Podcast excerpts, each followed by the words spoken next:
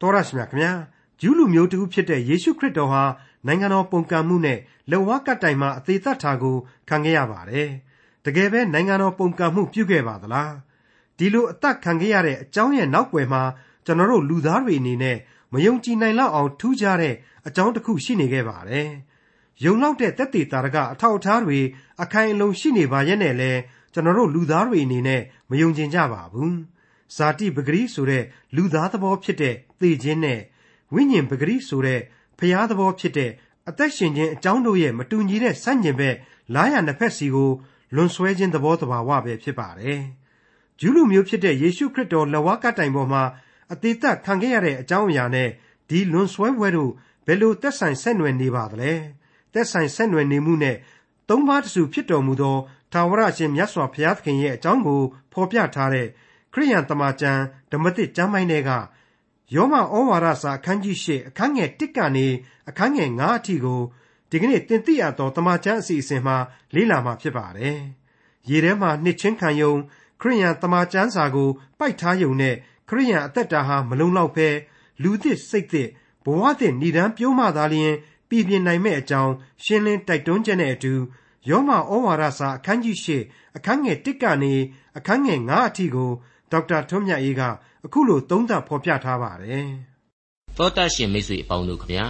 အခုအချိန်မှာတော့ယောမဩဝါဒစာအခန်းကြီး၈ကိုကျွန်တော်တို့ရောက်ရှိလာပါပြီ။ဒီအခန်းကြီး၈ကတော့အခန်းကြီး9မှာအခြေပြိုးခဲ့တာတွေကိုဆက်လက်ဖွင့်ဆိုသွားမယ့်ကြံကြီးပဲဖြစ်ပါတယ်။အပြစ်တရားနဲ့ကယ်တင်ခြင်းတရားတရားလမ်းနှစ်ခုအပြိုင်သွားနေရတဲ့ဘဝအသက်တာလမ်းကြားကလေးတွေကလူသားတို့ဘဝမှာရွေးချယ်လျှောက်သွားအပ်တဲ့လမ်း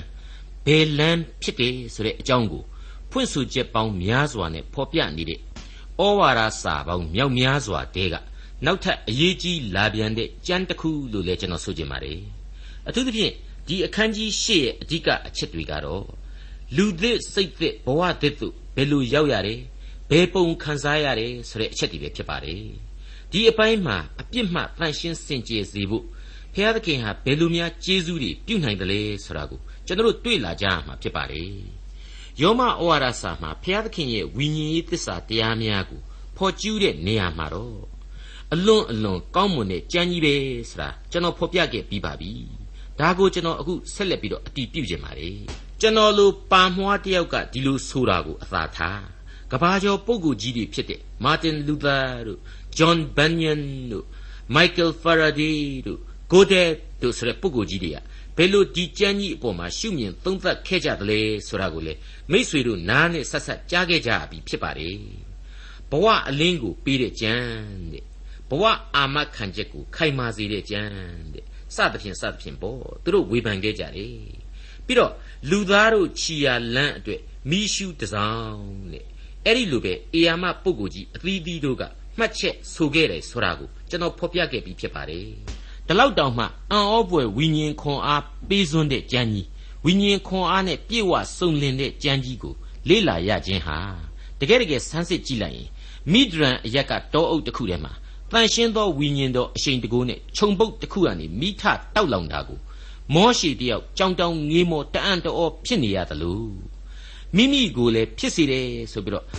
ကျွန်တော်ရဲ့သင်သိရသောသမာကျမ်းမူရင်းစာရေးဆရာကြီးဒေါက်တာဂျေဗန်နန်မက်ဂီကိုတိုင်ကလည်း ဖွင့်ဆိုဝေဖန်ခဲ့ပါတယ်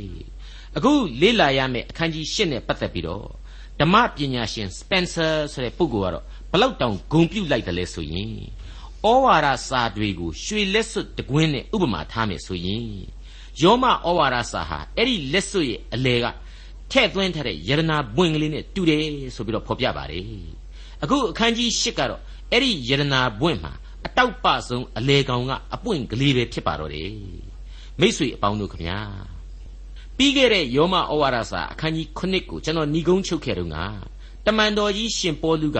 ငါတို့သခင်ယေရှုခရစ်အားဖြင့်ကယ်လွတ်တော်မူသောဘုရားသခင်၏ကျေးဇူးတော်ကြီးလာပေ၏ထိုသောစိတ်ဝိညာဉ်အားဖြင့်ဘုရားသခင်၏တရားတော်အလိုသို့၎င်းဇာတိပဂရိအားဖြင့်အပြစ်တရားအလိုသို့၎င်းငါလိုက်တတ်၏အဲ့ဒီလိုသူဖော်ပြခဲ့ပါလေဒါကတော့လူသားဟာကယ်တင်ခြင်းတရားကိုဘလောက်ပဲခံစားရတယ်ပဲပြောပြော ဇာတိပဂရိအလိုကိုလိုက်ချင်တတ်တဲ့သဘာဝရှိတယ်ဆိုတာကိုရှင်ပေါလုဖော်ပြခဲ့ခြင်းဖြစ်ပါတယ်အဲ့ဒါနဲ့ပတ်သက်ပြီးတော့ကျွန်တော်ကလည်းကြပြာသမားစာသမားဆိုတော့ကျွန်တော်အုံနှောက်ထဲမှာကြပြားလေးတစ်ပုဒ်ကိုစတ်ဆူခြင်းနဲ့စိတ်ပေါ်ထွန်းလာပါတယ်အဲ့ဒါနဲ့ပဲကျွန်တော်ရွေးလိုက်ပါတော့ဆိုတဲ့ကြပြားကိုကျွန်တော်စက်မိပါတယ်မိษွေသောတာရှင်တို့နားဆင်ပြီးတော့ဝေဖန်ကြည့်ကြပါကောင်းမဲ့ထင်ရင်လေအဲ့ဒီကြပြားကတိုက်တွန်းနှိုးဆော်တဲ့အတိုင်းလိုက်နာကြပါလို့ကျွန်တော်အကြံပြုချင်ပါတယ် ရွေးလိုက်ပါတော့ဘဝတစ်ခုလမ်းနှစ်ခုနှင့်လူအသက်တာကျင်လေရဝယ်မေတ္တာတော်ရှင်စောသခင်ဤကဲတင်ရာလန်းစင်ဖြောင်းတန်းဤပန်းနှင့်မှုလှသူဌာနသို့ကာလအစဉ်ငါဝိညာဉ်သည်ခင်တွယ်နားခုနေပါလိုသော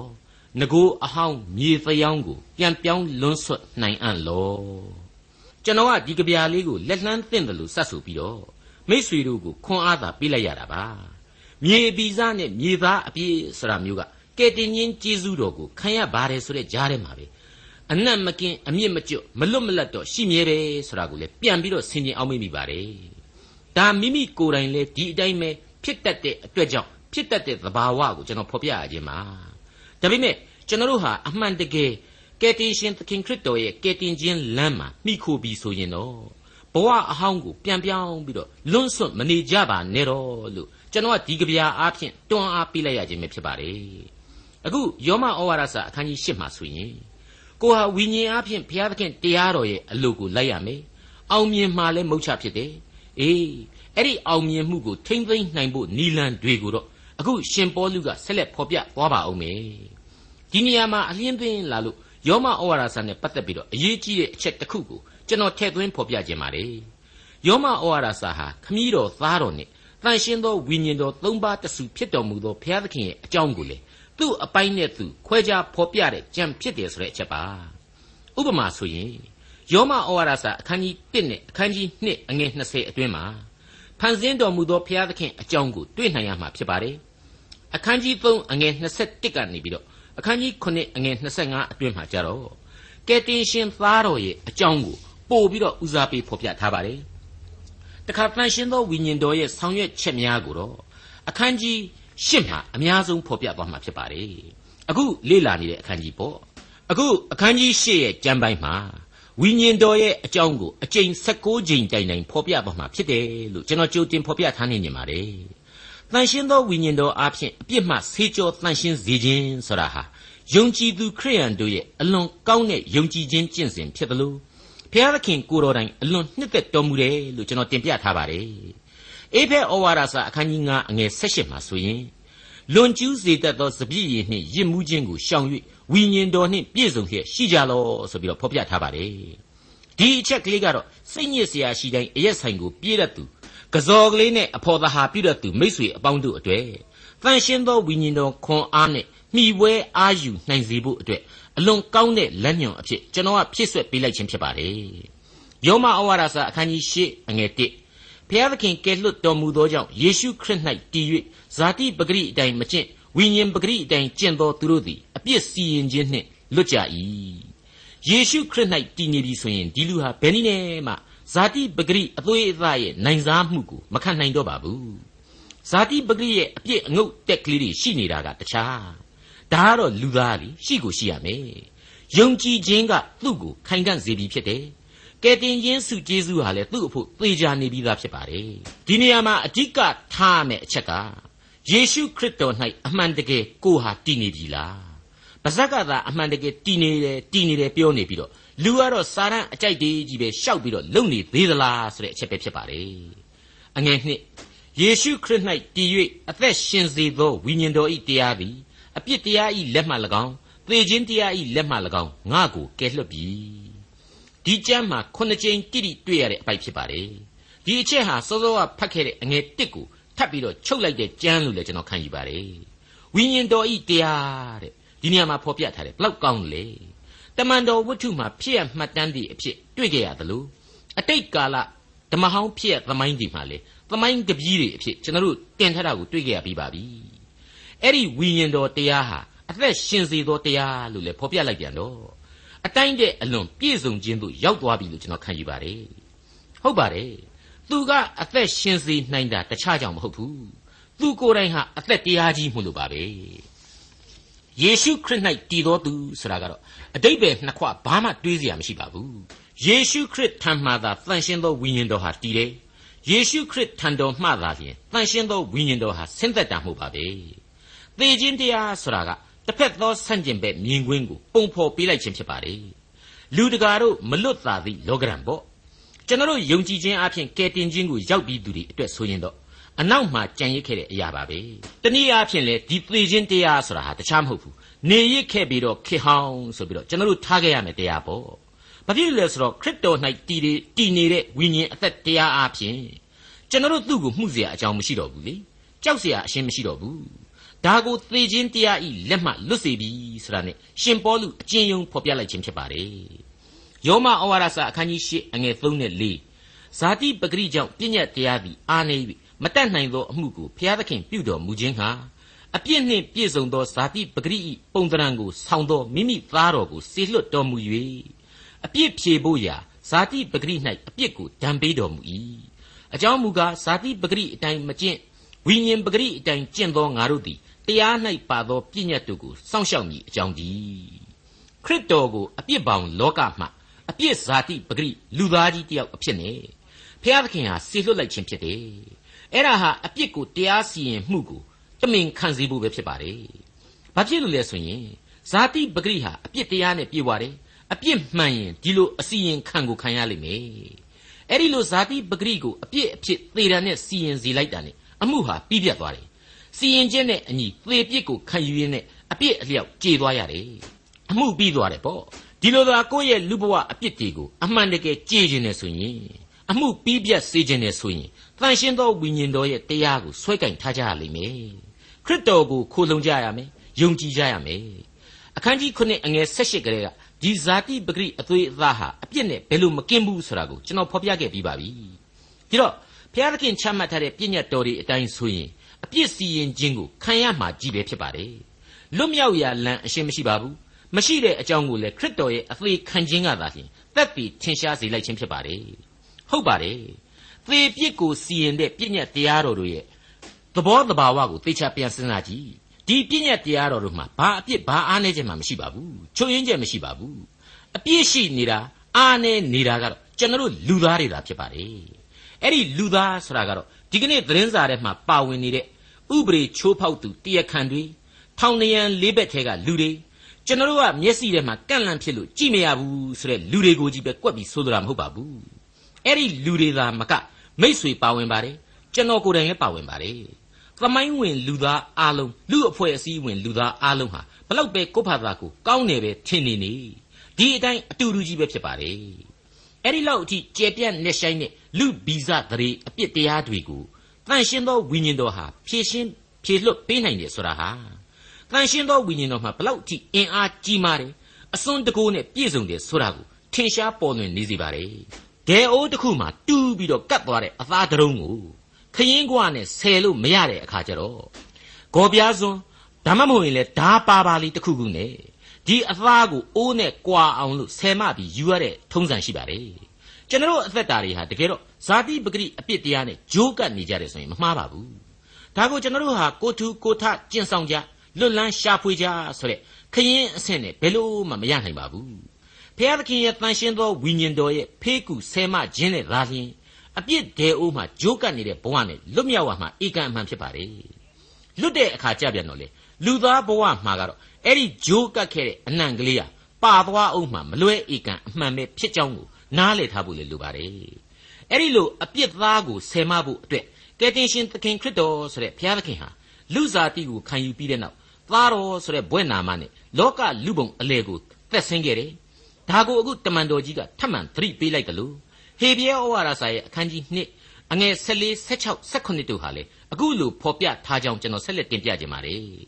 ထိုသူငယ်တို့သည်အသွေးအသားနှင့်ဆက်ဆံကြသောကြောင့် ခရစ်တော်သည်ကောင်းကင်တမန်တို့ကိုမဆတော်မူသည်မဟုတ်အာဗြဟံအမျိုးကိုမဆတော်မူ၏ထို့ကြောင့်ခရစ်တော်သည်လူတို့၏အပြစ်ဖြေစရာအကြောင်းကိုစီရင်၍ဖျားသခင်နှင့်ဆက်ဆိုင်သောအရာတို့၌ဂယုဏနှင့်၎င်းသစ္စာနှင့်၎င်းပြည့်စုံသောယစ်ပရောဟိတ်အကြီးဖြစ်အံ့သောငါမိမိညီအကိုတို့နှင့်လုံလုံတူရသောအကြောင်းရှိ၏အနည်းဆက်ဆုံးအတိတ်တွေကိုပြန်ဆိုရမယ်ဆိုရင်တော့လူကိုကယ်ယူဖို့အတွက်လူ ဇာတိအဖြစ်ကိုခံယူတဲ့ဆက်အချက်ကြီးပါပဲလူလောကအပေါ်မှာဖျားသခင်ရဲ့မေတ္တာတော်ဟာဘလောက်ကြီးမားတယ်လဲဆိုတာထင်ရှားနေပါတယ်ယောမဩဝါဒစာအခန်းကြီး9အငယ်26မှာကျတော့အခုလိုထပ်ဆင့်ဖော်ပြထားတာရှိပါသေးတယ်ထို့သောသောယေဘရဟိတ်မင်းသည်တန်ရှင်းစင်ကြယ်၍အညစ်အကြေးနှင့်ကင်းလွတ်လျက်အပြည့်ရှိသောသူတို့နှင့်မဆက်ဆံကောင်းကင်သားအပေါင်းတို့တဲ့မြင့်မြတ်သောသူဖြစ်၍ငါတို့နှင့်တော်သင့်တော်မူ၏ဒီအချက်ကြတော့လူသားဇာတိဖြစ်လို့ အပြစ်ကိုခံယူတယ်လားဆိုတာသူ့ရဲ့ပင်ကိုကောင်းကင်ဝိညာဉ်ဟာမြူမုံမတင်အောင်အပြစ်အညစ်အကြေးနဲ့အရှင်းကင်းစင်တယ်ဆိုပြီးတော့ဖော်ပြလိုက်ခြင်းဖြစ်ပါတယ်ဟေဘရဲဩဝါဒစာမှာပဲအခန်းကြီး30အငယ်9မှာအခုလိုဖော်ပြထားတာရှိပါသေးတယ်။အိုဖျားသခင်ကိုတော်သည်ရစ်နှင့်ပူဇော်တကားကိုအလိုတော်မရှိသည်ဖြစ်၍အကျွန်ုပ်အဖို့ကိုခန္ဓာကိုပြင်ဆင်တော်မူပြီ။ဘလောက်ကောင်းတယ်လေ။လူသားဘဝကိုသူခံယူတာဟာစောစောကကျွန်တော်ပြောနေခဲ့တဲ့ ကျွန်တော်မိษွေတို့အပါအဝင်အပြစ်သားအလုံးအတွက်ကိုစားပြုတဲ့ဘဝကိုတမင်ခံယူလိုက်ခြင်းသာဖြစ်ပါတယ်။တနည်းအားဖြင့်ပြောရမယ်ဆိုရင်အပြစ်ကဘာရဲ့မှတ်ပုံတင်တွေအကုန်လုံးအတွက်စည်ရင်သွင်းခံယူလိုက်တဲ့သဘောပါပဲ။ကိုစားခံလိုက်တဲ့သဘောပေါ့။အဲ့ဒီလိုလူသားဘဝအဖြစ်အပြစ်ပုံစံနဲ့အသေးခံတယ်။သုံးရက်မြောက်နေ့မှာရှင်ပြန်ထမြောက်တယ်ဆိုတာကြတော့လူသမိုင်းကအပြစ်ဘဝပုံစံဟာမြေကြီးမှာနှံ့တယ်။ပုတ်ပြက်သွားတယ်။ ပြီးတော့ဝိညာဉ်အဖြစ်သာဝရအသက်ရှင်ပြန်ရတယ်ဆိုတာကိုဖော်ကျူးလိုက်ခြင်းဖြစ်ပါတယ်။ကောရိန္သုဩဝါဒစာပထမစာဆောင်အခန်းကြီး15အငယ်4မှာအငယ်44မှာစိုက်သောအခါဇာတိပဂရိကိုဖြစ်၏ထမြောက်သောအခါဝိညာဏကိုဖြစ်၏ဇာတိပဂရိကိုတစ်မျိုးဝိညာဏကိုတစ်မျိုးရှိ၏ဆိုပြီးတော့ရှင်းရှင်းလင်းလင်းကလေးဖွင့်ဆိုထားတာကိုကျွန်တော်တို့တွေ့နိုင်ပါတယ်အဲ့ဒီလိုကျေးဇူးတော်ကြီးမားလှတဲ့မေတ္တာတော်ရှင်သခင်ဟာ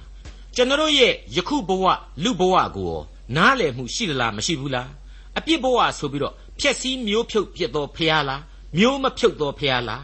လူသားကိုမုန်းသလားချစ်သလားဆိုတာဒီကိုသူ့ရဲ့ရှင်ယောဟန်ခရစ်ဝင်ကျမ်းအခန်းကြီး16အငယ်15ကကိုတော်တိုင်ဆူတောင်းပေးခဲ့တဲ့အသံနဲ့သာအကဲဖြတ်ပြီးတော့ကြည်ကြပြီတော့ဤသူတို့သည်ဤလောကမှနှုတ်ယူတော်မူမည်အကြောင်းအကျွန်ုပ်တောင်းသည်မဟုတ်ပါမကောင်းသောအမှုအရာနှင့်ကင်းလွတ်စေခြင်းဟာစောင့်မတော်မူမည်အကြောင်းကိုသာတောင်းပါ၏တဲ့ ဘလောက်ရင်သိမ့်တုံပွဲကောင်းတဲ့သူ့ရဲ့ဆူတောင်းတန်လေဒါဟာငါတို့ကတော့မမြင်ရသေးတဲ့ကောင်းကင်ဘုံတို့ဖျားသခင်တို့စီမင်းတို့ခရိယန်တွေပြောသလိုရောက်တာမရောက်တာတွေကိုတို့စိတ်မဝင်စားဘူးအခုရှင်သန်တုံးကိုပျော်ပျော်ပဲနေခြင်းနဲ့ဟေးဆိုတဲ့လူတွေအလေးနဲ့စဉ်းစားရမယ်အချက်လို့ကျွန်တော်ဆိုချင်ပါတယ်ကျေးဇူးတော်ဆရာဟာနောင်တမလွန်အရေးကြီးမဟုတ်ပါဘူးယခုဘဝနောင်ကာလနှစ်ဌာနစလုံးနဲ့သက်ဆိုင်တဲ့အရေးပဲဖြစ်ပါတယ်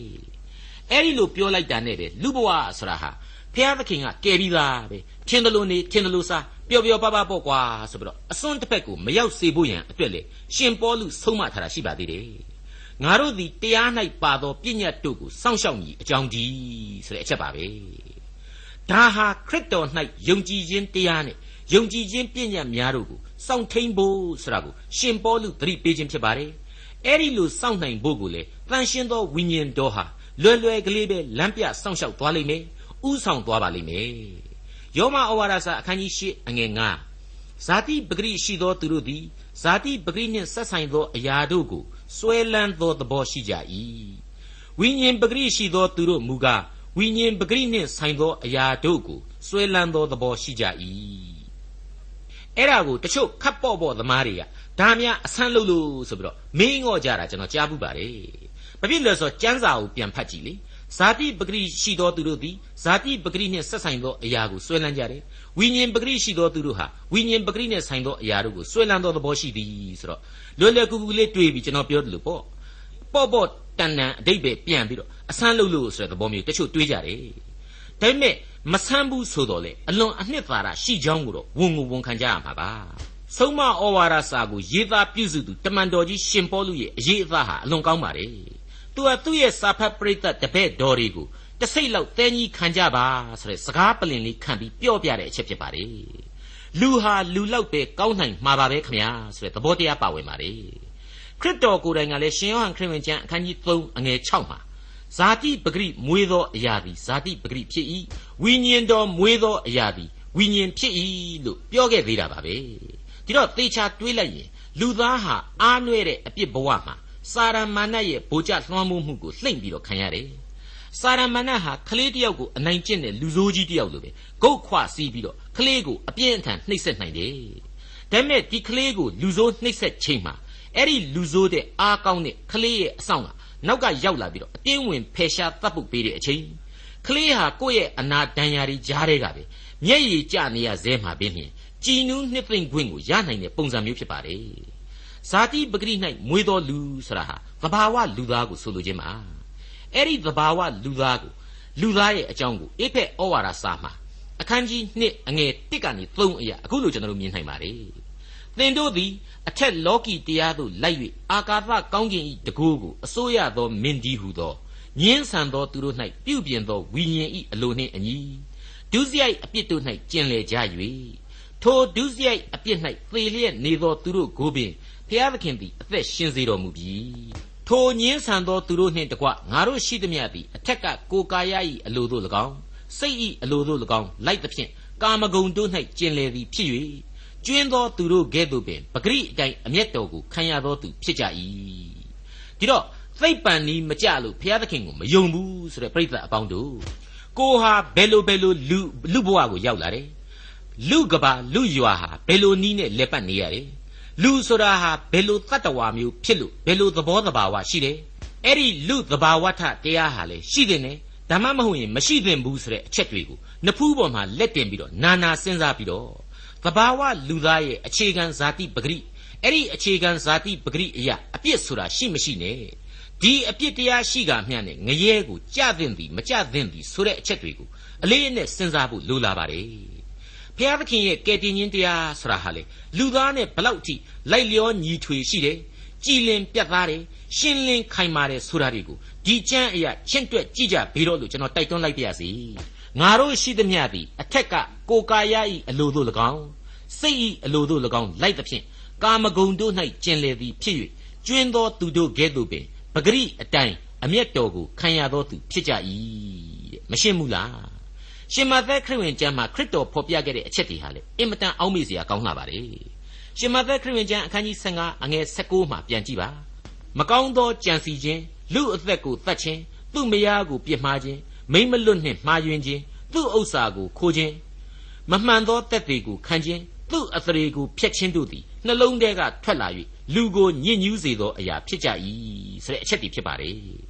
အဲ့ဒီလိုအပြစ်နဲ့ပတ်သက်တဲ့အချက်တွေအပြင် တကယ်သာစီရင်ခြင်းဆိုရင်ဘယ်လို့မှအပြစ်စီရင်ချက်နဲ့မလွတ်နိုင်တဲ့အပြစ်ရဲ့သဘောတရားတွေကိုလေယောမဩဝါဒစာရဲ့အခန်းကြီး1ဏီကုံပိုင်းမှာဖော်ပြထားလိုက်တာဟာမရေမတွက်နိုင်လောက်အောင်ပဲရှိခဲ့တာကိုမိษွေတို့အသိပါပဲမိษွေအပေါင်းတို့ခမညာဖျားသခင်ရဲ့မေတ္တာတော်ကိုအမှန်တကယ်သိနာလေလာပြီဆိုရင်လေဒီလူသားဟာဘယ်တော့မှအဲ့ဒီအပြစ်နွန်ထဲမှာတစ်ချိန်လုံးပျော်ပြီးတော့မနေနိုင်ပါဘူးဒါကိုရှင်လုကာခရစ်ဝင်တဲကပျောက်သောသားရဲ့ပြောစကားကိုပြန်ပြီးတော့စဉ်းစားလိုက်ရင် ကွင်းဆက်မိမိထိထိမိမိသိရှိနိုင်ပါလိမ့်မယ်ငါထား၍အဖထံသို့သွားမည်အဖအကျွန်ုပ်သည်ဖျားသခင်ကို၎င်းကိုတော်ကို၎င်းပြစ်မှားပါပြီတဲ့ဘလောက်ကောင်းလဲနောင်တနဲ့ရင်ဖွင့်ကြွေးကြော်တံပဲဖြစ်ပါတယ်ကျွန်တော်အစဉ်အမြဲအာယုံပြုရမယ်ကြွေးကြော်တံဖြစ်ပါတယ်ရှင်လုကာခရစ်ဝင်ကျမ်းအခန်းကြီး15မှာပြန်ပြီးတွေ့မြင်နိုင်တဲ့အချက်ပါဝိညာဉ်ပဂရိရှိသောသူများမူကားဝိညာဉ်ပဂရိနှင့်ဆိုင်သောအရာတို့ကိုဆွဲလန်းခြင်းရှိကြ၏ ရှင်ပေါလုကအခုဆက်လက်ဆိုဖွင့်လိုက်ခြင်းဖြစ်ပါတယ်ဒါဟာခရစ်တော်၌အသစ်သောမွေးဖွားခြင်းကိုအမှန်တကယ်ခံယူသောလူတို့ရဲ့အကြောင်းပဲဖြစ်ပါတယ်အဲ့ဒီလောက်ထိကောင်းမြတ်မှန်ကန်တဲ့ဝိညာဉ်ရေးဆွဲလန်းမှုဆိုတာဟာအပြစ်ဘဝသားမှန်ပေမဲ့ကဲတင်ခြင်းအရေးအာဝါသကိုအရေးအာဝါသအောက်ကိုရောက်လာတဲ့လူသားတိုင်းတို့ဟာတန်ရှင်းသောဝိညာဉ်တော်ရဲ့လမ်းပြပို့ဆောင်ခြင်းအပြင်ရရှိနိုင်တဲ့အခွင့်အရေးကြီးဖြစ်ပါတယ်။ဟန်ပြဗတ္တိဇံကိုခံယူ သင်းအုပ်ဆရာကိုညာဘက်လက်နဲ့လက်ဆွဲနှုတ်ဆက်ပြီးတော့အသင်းတော်ကပေးတဲ့ကျမ်းစာအုပ်ကလေးအိမ်ယူလာရုံနဲ့တော့လုံလောက်လိမ့်မယ်မဟုတ်ပါဘူး။ဒီဟန်ပြလုပ်ငန်းဆိုတာဟာခရစ်တော်၌အသစ်သောစိတ်ဝိညာဉ်ကိုမွေးမြူပြီးတော့ဘဝသစ်ဏိဒန်းကိုပြိုးဖို့ခြေလှမ်းကိုပြုပြင်မှသားလျင်အတိတ်ပဲလေးနဲ့စွာရှိလာမှာဧကန်အမှန်ဖြစ်ပါတယ်အမှန်တကယ်အသစ်သောမွေးဖွားခြင်းလို့ဆိုရမှာဖြစ်ပါတယ်ခရစ်တော်ရဲ့ကယ်တင်ခြင်းကျေးဇူးတော်အရေးအောက်ကိုလေအဲ့ဒီတော့မှသာပြီးပြီးပြင်းရောက်ရမှာဖြစ်ပါတယ် ဟန်ပြအဆင့်နဲ့တော့မပြီးပါဘူးဒါဟာကိုယ့်ဘဝရဲ့မျက်မှောက်ကာလတန်ရှင်းစင်ကြယ်စေခြင်းစစ်မှန်တဲ့ဝမ်းမြောက်ပျော်ရွှင်မှုကိုရရှိခြင်းလူသားတို့မစင်စားမကြံစီနိုင်တဲ့အံ့ဩပွေသောဆုကျေးဇူးတော်တို့ကိုခံရခြင်းစတဲ့အချက်တွေနဲ့လက်ငင်းအကျိုးကျေးဇူးကိုခံရမှာဖြစ်သလိုခန္ဓာမြေခသေရတဲ့လောကခရီးစဉ်အပြီးမှာအနန္တကာလထာဝရအသက်ဆိုတဲ့ဆုကျေးဇူးတော်ကိုပါမလွဲမသွေခံစားရစေမှာဖြစ်တဲ့အတွက် လူတယောက်စီတို့အဖို့အရေးအကြီးဆုံးသောဘဝဝန်တာ ဆောင်ရွက်เสียဖြစ်တယ်လို့ကျွန်တော်တင်ပြလိုက်ပါရစေမိษွေတို့အတွက်ဏီကုန်းချုပ်အနေနဲ့ရွေးလိုက်ပါတော့ဆိုတဲ့ကြပြားကိုကျွန်တော်ထပ်မံတင်ဆက်ရင်းနဲ့ဒီညအဖို့အားလုံးတို့ကိုနှုတ်ခွန်းဆက်သလိုက်ပါရစေဘဝတစ်ခုလမ်းနှစ်ခုနှင့်လူအသက်တာကျင်လေရာဝယ်မေတ္တာတော်ရှင်စောသခင်ဤကဲတင်ရလန်းစင်ဖြောင့်တန်းဤပန်းနယ်မှုလှသူဌာနသို့ကာလအစဉ်ငါဝိညာဉ်သည် ခင်တွယ်နားခုနေပါလိုသောငကိုအဟောင်းမြေသယောင်းကိုပြန်ပြောင်းလွတ်ဆွတ်နိုင်အံ့လောဒေါက်တာထွန်းမြတ်ရေးစီစဉ်တင်ဆက်တဲ့တင်ပြအပ်သောတမချန်းအစီအစဉ်ဖြစ်ပါတယ်နောက်တစ်ချိန်အစီအစဉ်မှာခရိယန်တမချန်းဓမ္မသစ်ကျမ်းပိုင်းမှာပါရှိတဲ့ယောမဩဝါဒစာအခန်းကြီး၈အခန်းငယ်6ကနေအခန်းငယ်21အထိကိုလေ့လာမှဖြစ်တဲ့အတွက်စောင့်မျှော်နားဆင်နိုင်ပါတယ်။